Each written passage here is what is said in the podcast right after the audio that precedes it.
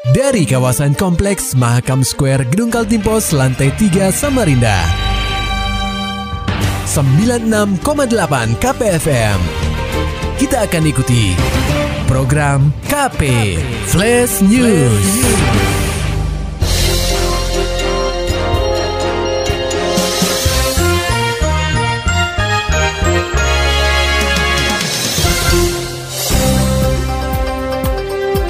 Anda sedang menyimak program KP Flash News bersama saya Agung Pratama. Berita utama. Pendengar KP, musibah tanah longsor terjadi di Jalan Gerilya, Gang Rukun Makmur RT 109, Kelurahan Sungai Pinang Dalam, Kecamatan Sungai Pinang. Imbasnya, satu rumah milik warga jebol akibat material tanah yang menumpuk di tembok rumah. Pemilik rumah, Suci Lestari, mengatakan sebenarnya material tanah ini sudah menempel di tembok rumahnya sejak tanggal 12 September lalu. Suci menyebut, awalnya material tanah yang melekat tersebut membuat dinding di ruang tamu mengalami retak. Namun pada Senin 4 Oktober 2021, sekitar pukul 2.00 waktu Indonesia Tengah, retakan itu mendadak semakin parah hingga membuat dinding rumahnya jebol. Eh, sejak mengenai rumah itu sejak September itu juga atau September baru-baru? tanggal 12-nya. 12 itu langsung kena Iya, rumah gitu. Iya, Jebol. iya. Jebolnya baru tadi malam, cuman retak-retak sudah. Oh, retak-retak Waktu sudah. hujan pokoknya Iya kan, nempel tembok, kami buang, kurangi, kurangi. Turun lagi. Iya. Katanya kalau penanganan longsor itu kan tidak semua yang di bawah itu langsung diambil tidak bisa. Hmm. Kalau yang di bawah ini diambil, berarti yang di jal- yang di atas ini jalan. Dia jalan terus, Bu. Makanya diambil kan dok dok dok dok atapnya ini karena dia jalan. Suci menjelaskan musibah tanah longsor yang menerpa rumahnya imbas dari adanya pembuangan material tanah tepat di atas gunung. Material tanah tersebut berasal dari galian di atas gunung untuk membuka tanah kaflingan. Sebenarnya, RT setempat sudah memperingatkan kepada pengelola tanah kaflingan agar membuat saluran pembuangan air. Namun hal itu tidak digubris hingga akhirnya kediaman Suci harus menjadi korban. ke depannya nih bu Ya nanti katanya mau dibantu untuk proses untuk mediasi sama Pak Haji Indranya yang membuat galian atasnya ini. Buat swasta ya Galian apa sih, Bu, di atas itu? Mau dikaplengkan itu Oh, yang- tanah kapling. Iya, Ah. itu kan gunung. Kalau gunung bukan nggak ada dibuatkan ap- saluran air itu beda lagi Ya tadinya Pak In- Pak Haji Indra itu yang membuatkan kan. Iya. Awalnya begitu. Tentang warga sini sudah tahu kalau resikonya pasti banjir, banjir bawah. Nggak taunya malah banjir lumpur ke rumah ibu. Hmm. Lebih lanjut, hingga dua hari terakhir, tim dari Dinas Pekerjaan Umum dan Penataan Ruang atau PUPR Samarinda telah menggali sisa-sisa material tanah yang masih menumpuk. Pihak kelurahan dan kecamatan juga telah memantau langsung dan berjanji akan membantu proses mediasi antara Suci selaku pemilik rumah beserta pengelola tanah kaflingan. Beralih ke dunia olahraga pendengar KP, Borneo FC memperpanjang paceklik kemenangan setelah harus puas bermain imbang melawan Persita Tangerang.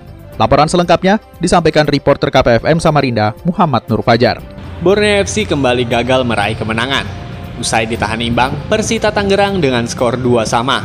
Dalam lanjutan pekan ke-6 BRI Liga 1 di Stadion Pakansari Bogor pada Sabtu 2 Oktober 2021. Meski sempat unggul terlebih dahulu melalui Wildan Syah dan Francisco Torres, namun Persita Tangerang berhasil menyamakan kedudukan berkat gol dari Nur Hardianto dan Dwi Septiawan. Raut kekecewaan tampak terlihat dari wajah penggawa pesut etam dan tim pelatih. Caretaker Borneo FC, Ahmad Amiruddin, menyatakan permintaan maafnya kepada pendukung dan presiden klub atas hasil imbang ini. Lantaran, semua proses gol dari Persita Tangerang tercipta akibat kelengahan para pemainnya.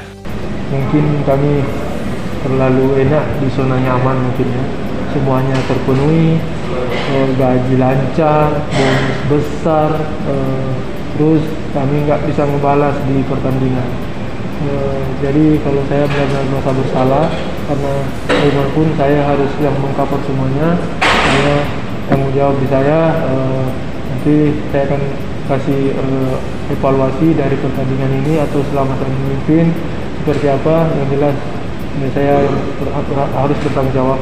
Yang kedua bisa dilihat sendiri proses gol lawan. Eh, kami menguasai ball position unggul 2-0 tapi setelah itu kami kecolongan oleh kesalahan kami sendiri dua gol lawan itu murni kesalahan kami jadi susah untuk eh, bicara apa gitu Imbas dari hasil imbang ini, posisi Borneo FC kini menempati posisi 10 dengan raihan 7 poin.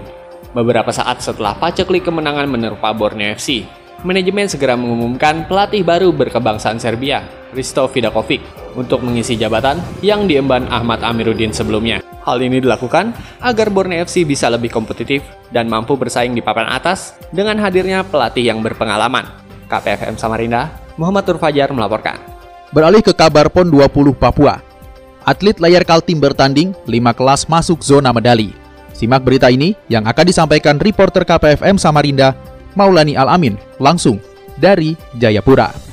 Pendengar KP, tim layar Kaltim mengirimkan tujuh orang atlet untuk berlaga di Pekan Olahraga Nasional atau PON ke-20 Papua.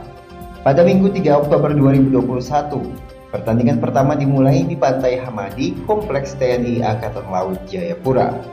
Ketua Pengpro Persatuan Olahraga Layar Indonesia atau Perlasi Kaltim Teddy Abai mengatakan, dalam race pertama ada lima kelas yang masuk dalam zona medali. Menurutnya, perjuangan atlet telah berjalan sesuai target. Hari pertama hasil sementara yang diikuti oleh Kaltim lima kelas putra, lima kelas putra, empat kelas lima kelas putra itu series dari tanggal 3 sampai tanggal 6. Ketua Pemprov Korelasi Kaltim Teddy Abai menegaskan kendala dalam race pertama adalah cuaca kota Jayapura yang terik dan angin yang tidak stabil. Maulani Al-Amin melaporkan dari Jayapura, Provinsi Papua untuk KPFM Samarinda. Maulani Alamin, Muhammad Nur Fajar, KPFM Samarinda. Serta dapatkan berita-berita selengkapnya di www.968kpfm.co.id. Demikian tadi telah kita simak rangkaian berita-berita yang terangkum dalam program KP Flash News. Persembahan dari 96,8 KPFM. Terima kasih dan sampai jumpa.